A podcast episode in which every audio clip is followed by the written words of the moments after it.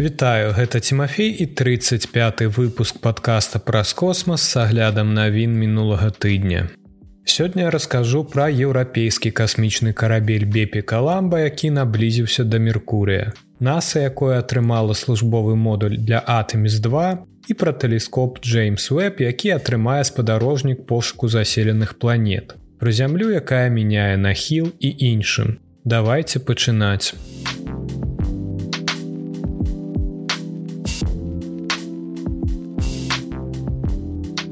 Еўрапейскі касмічны карабель Бепі Каламба наблізіўся да Меркурыя на адлегласці 236 кіламетраў у блізкім пралёце. Гэтае набліжэнне дапамагло касмічнаму караблю знізіць хуткасць, каб ён змог выйсці на арбіту Меркурыя праз два з паловай гады. Карабель пранёсся міма планеты на звыш блізкай адлегласці ў 1934 па Грынвічы 19 чэрвеня. Аднак галоўная мэта аблёту не ў тым, каб зрабіць цудоўныя здымкі паверхні Меркурыя буйным планам, а ў тым, каб запаволіць зонт, выкарыстоўваючы гравітацыю Меркурыя, каб ён мог выйсці на арбіту планеты ў 2025 годзе. Наш касмічны карабель пачаў занадта вялікай энергіі, таму што ён стартаваў зямлі.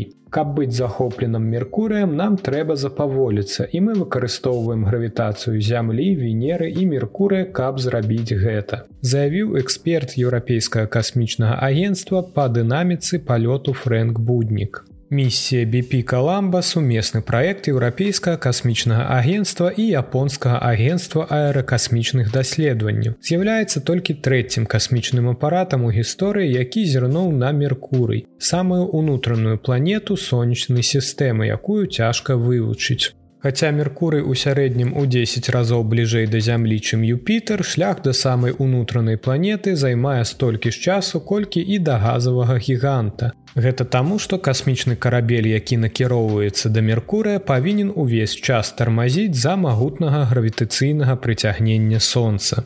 Для гэтага BP Каламба запущены ў 2018 годзе здзяйсняе старанна разлічаныя аблёты планет на сваім шляху, знаходзячыся на арбіце сонца. Зонт раней двойчы прылятаў міма Меркурыя ў кастрычніку 2021 года і ў ліпені 2022 года. Да гэтага касмічны апарат таксама адзін раз наведваў зямлю і двойчы венеру. Калі BP каламба пачне адчуваць гравітацыйнае прыцягненне меркура, ён будзе рухацца з хуткасцю 3,6 кіламетраў за секунду адносна планеты.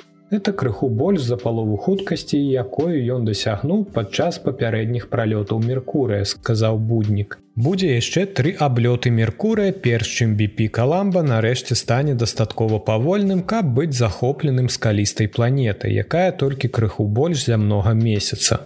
Аблёты плануюцца ў верасні і ў снежні 2024 года і апошні ў студзені 2025. Паколькі некаторыя прыборы касмічнага карабля працуюць падчас палёту, навукоўцы з нецярпеннем чакаюць магчымасці правесці вымярэнне кіпячага асяроддзя вакол Меркурыя.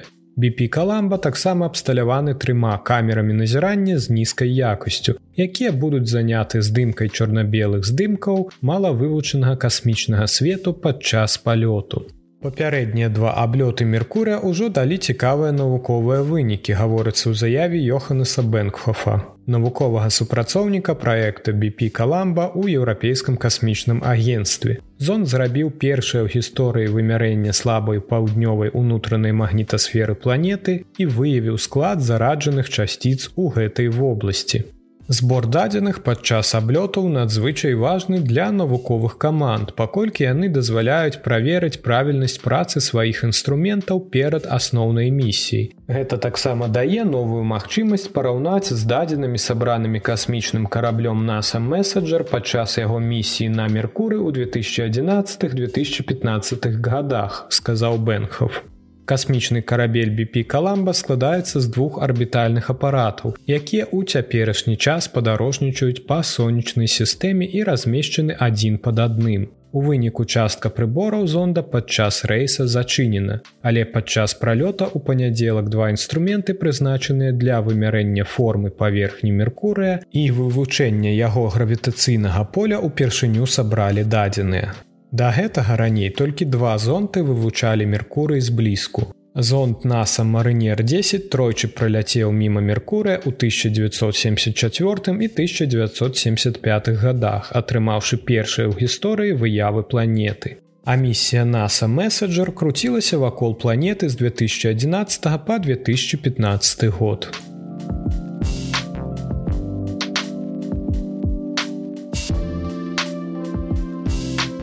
Еўропа перадала NASA службовы модуль месячнага карабля Атэміс-2.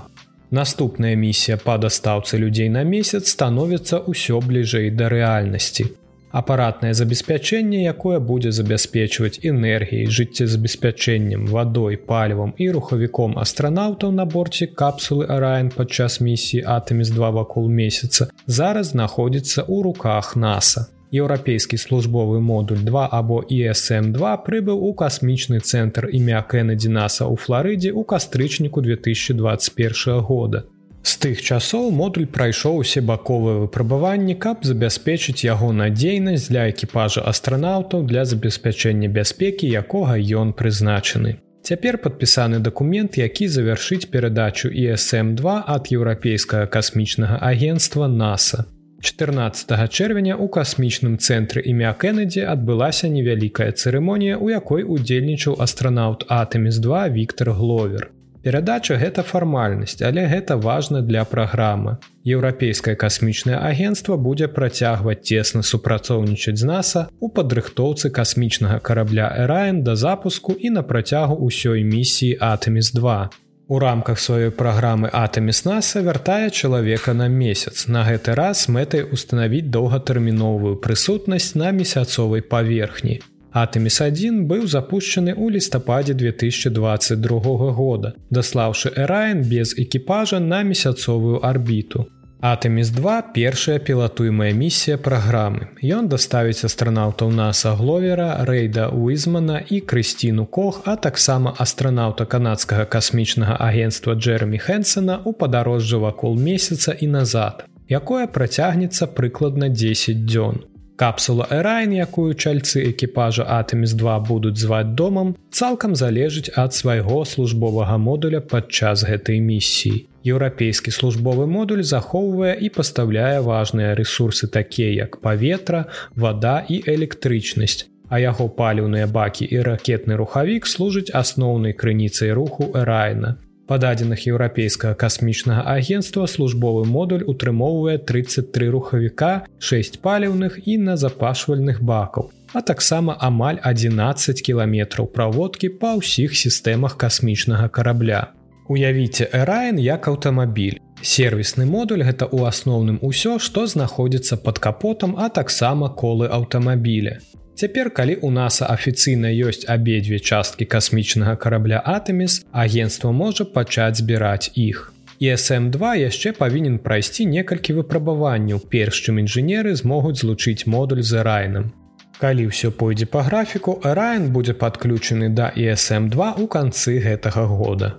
Пасля злучэння касмічны карабель будзе інтэграваны з ракетай сістэмы касмічнага запуску SLС, якая будзе ўстаноўлена ўнутры вялізнага будынка зборкі транспартных сродкаў у касмічным цэнтры Кеннеді. Наса плануе запуск знакавай місіі ў лістападзе 2024 года.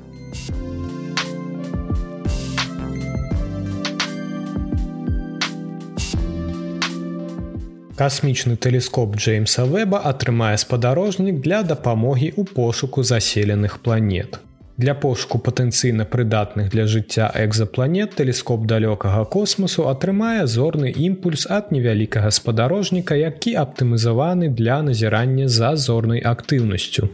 Купсад коштам 8 з паловы мільёнаў долараў абраны NASAа называецца маніторынг актыўнасці бліжэйшых зорак з дапамогай ультрафіолетавых здымкаў і спектраскапіі або мантис. Два касмічныя апараты дапаўняюць адзін аднаго. Сярод шматлікіх задач касмічны тэлескоп Джеймса Вэба старанна вывучае атмасферу скалістых планет, на якіх можа быць жыццё. Тым часам манціс пасля чаканага запуску ў 2026 годзе будзе сачыць за зорнай актыўнасцю такой як успышкі. Касмічны апарат манціс будзе глядзець на неба ва ультрафіолетавым святле, уключаючы найболей энергічны набор даўжынь хваль, вядомы як экстрэмальны ультрафіолет.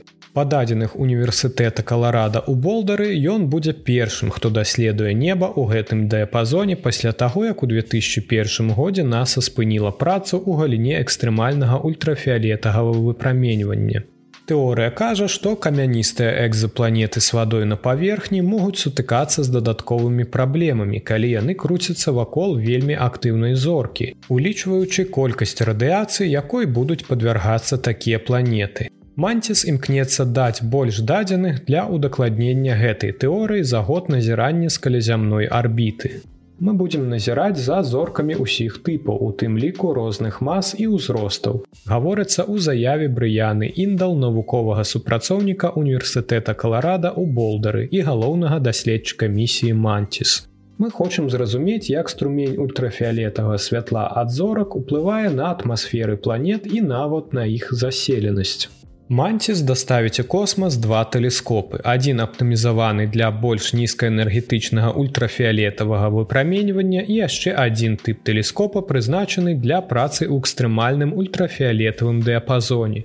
Гатовы да навуковых назіранняў манціс імкнецца дапамагчы навукоўцам даведацца, як зорная энергія ўплывае на атмасферы бліжэйшых планет, асабліва тых, якія блізкія па памерах зямлі і могуць быць заселены.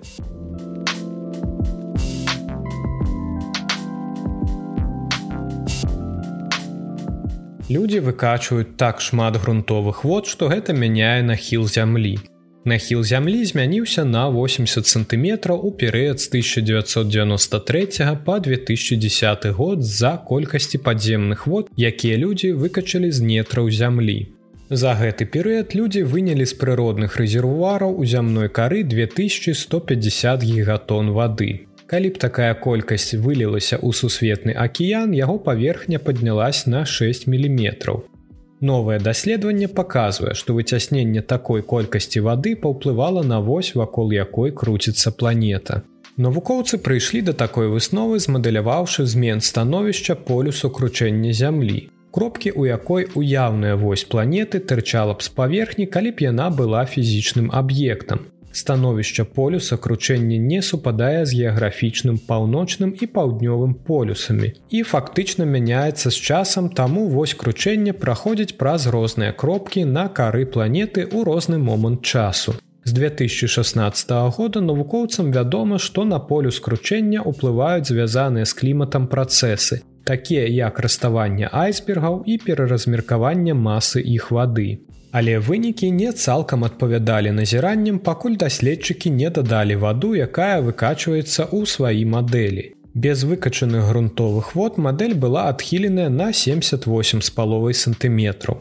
Полюс кручэння зямлі насэмрач моцна змяняецца. Даследаванне паказвае, што сярод прычын, звязаных з кліматам пераразмеркаваннем грунтовых вод на самой справе аказвае найбольшы ўплыў на дрэйф полюса кручэння, сказаў Ківіон Ся, геафізік сюльска нацыянальнага універсітэта, які кіраваў даследаваннем. Паколькі нахіл зямной восі можа ўплываць на сезоннае надвор'е на паверхні планеты, навукоўцы зараз задаюцца пытаннем. Ці можа змена полюса кручэння спрыяць змене клімату ў доўгатэрміновай перспектыве. Назіранне за змяненнем полюса кручэння зямлі карысна для разумення змяненняў запасаў вады ў кантынентальным маштабе. Звесткі аб руху палюсоў даступныя яшчэ з канца 19 стагоддзя. Такім чынам мы патэнцыйна можам выкарыстоўваць гэтыя дадзеныя для разумення змен запасаў кантынентальнай вады за апошнія 100 гадоў, сказаў се.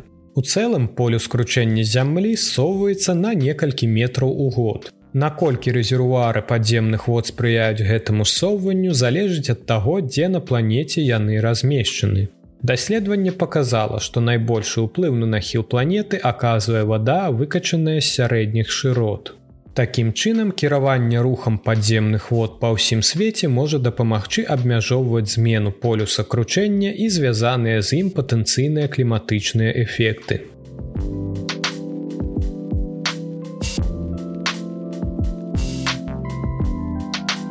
Надзіманы месяцовы тэлескоп можа зазірнуць у цёмныя стагоддзя сусвету. Еўрапейскія навукоўцы распрацоўваюць канцэпцыю надзіманага радыотэлескопа, які мог бы праводзіць наватарскія даследаванні на паверхні месяца. Ідэя прапануе масіў радыоантэн надрукаваных на звышлёгкам матэрыяле, які даставяць на месяц складзеным унутры запланаванага еўрапейскага вялікага лагістычнага пасадачнага модуля таксама вядомага як арганаут. Вы складаеце сістэму, затым нагнятаеце ў яе газ і надзімаеце. Это падобна на надзіманы матрас на месяцы. Кажа Марк Клейн Вольт, радыоастраном з універсітэта Радборд у Нідерландах, які ўзначальвае астрафізычную месяцовую праграму. Астраномы зацікаўлены ў будаўніцтве радыотэлескопа на адваротным баку месяца, паколькі гэты рэгіён вольны ад радыёшуму, які ствараецца зямнымі тэхналогіямі.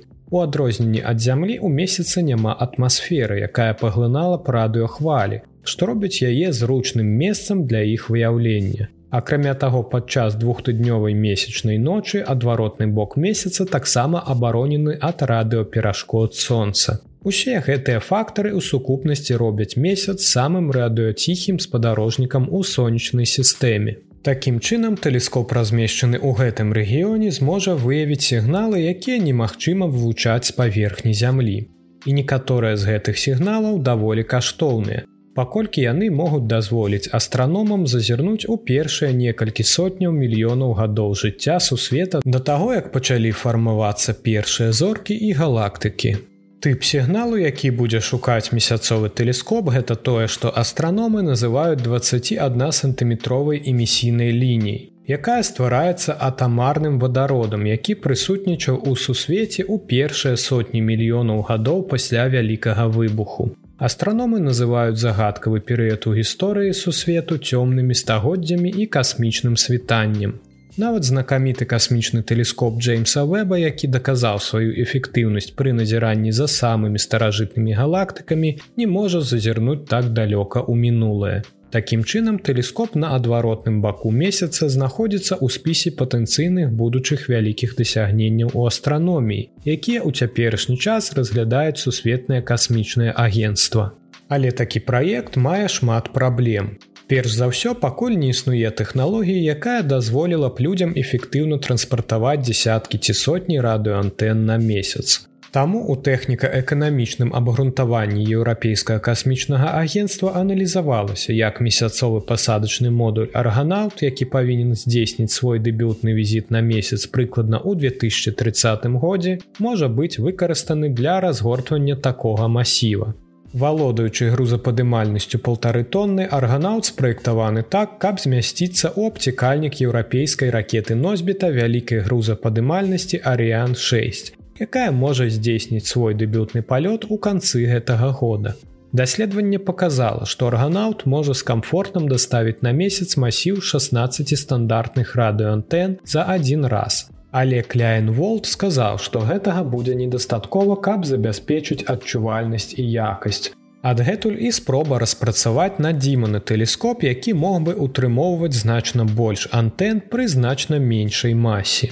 Еўрапейская каманда ў цяперашні час працуе над прататыпамі антэн, якія ў будучыні можна будзе пратэставаць непасрэдна на месяцы, каб дапамагчы навукоўцам зразумець, як пыльнае месяцовае асяроддзе ўплывае на іх працу. Ёсць і іншыя боль сціплыя найбліжэйшыя планы астранамічных назіранняў з паверхні месяца. Кітайскія навукоўцы, напрыклад, уяўляюць сабе міні-сузор'е спадарожнікаў, якія круцяцца вакол экватара месяца, вывучаючы радыёвыпраменьванне на зваротным баку і адпраўляючы дадзеныя на зямлю з боку звёрнутым да планеты. Яны гавораць, што змогуць запусціць гэтую місію ўжо ў 2026 годзе. А узначаленая NASAа даследчая місія па даследаванні электрамагнетызму на паверхні месяца Люсі Найт можа правесці першае грубае вымярэнне сігналу цёмных стагоддзяў з месяцовай паверхні нават крыху раней у 2025 годзе.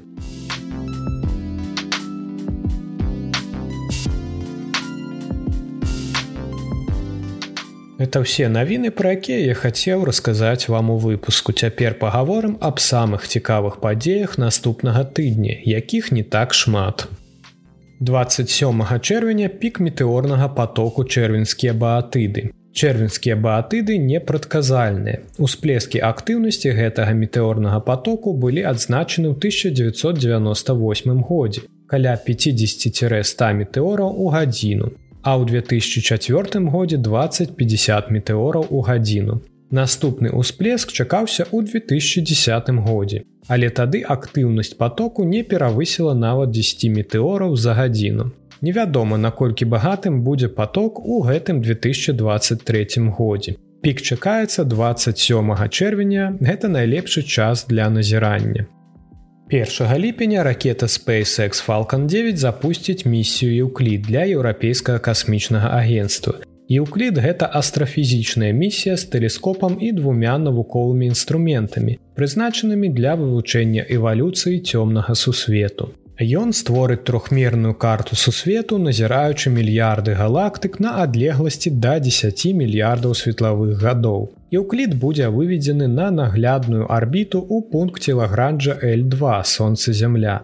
Гала арбіта вялікай амплітуды вакол другой кропкі лагранжа сістэмы была абраная таму, што яна забяспечвае аптымальныя умовы працы еўкліда. Спрыяльнае радыяцыйнае асяроддзе, якое неабходнае для адчувальнага дэтэктара і вельмі стабільныя умовы назірання, якія знаходзяцца дастаткова далёка ад сістэмы зямля месяц. Акрамя таго, неабходная колькасць паліва вельмі выгадна ў параўнанні з альтэрнатыўнымі арбітамі.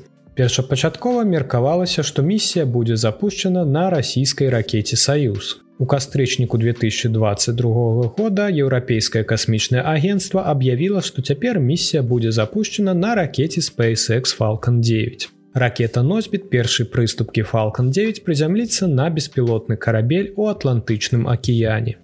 Дзякуй, што даслухалі да канца. Дзякуй за вашыя каментары. Мне вельмі прыемна атрымліваць пазітыўныя водгукі. Падтрымаць мой падкаст і стаць часткай касмічнай каманды можна на патрыёне, спасылка ў апісанні. Дзякуй за падтрымку тым, хто ўжо далучыўся. Нагадаю, што вы можете таксама падпісацца на сацыяльныя сеткі падкаста ў нстаграме, твиттары, тэлеграме і Ютубе. Я выпускаю хвілінныя відэа ў тиктоку і Ютубе. Раю таксама падпісацца. На гэтым усё да пабачэння пачуемся ў ліпені.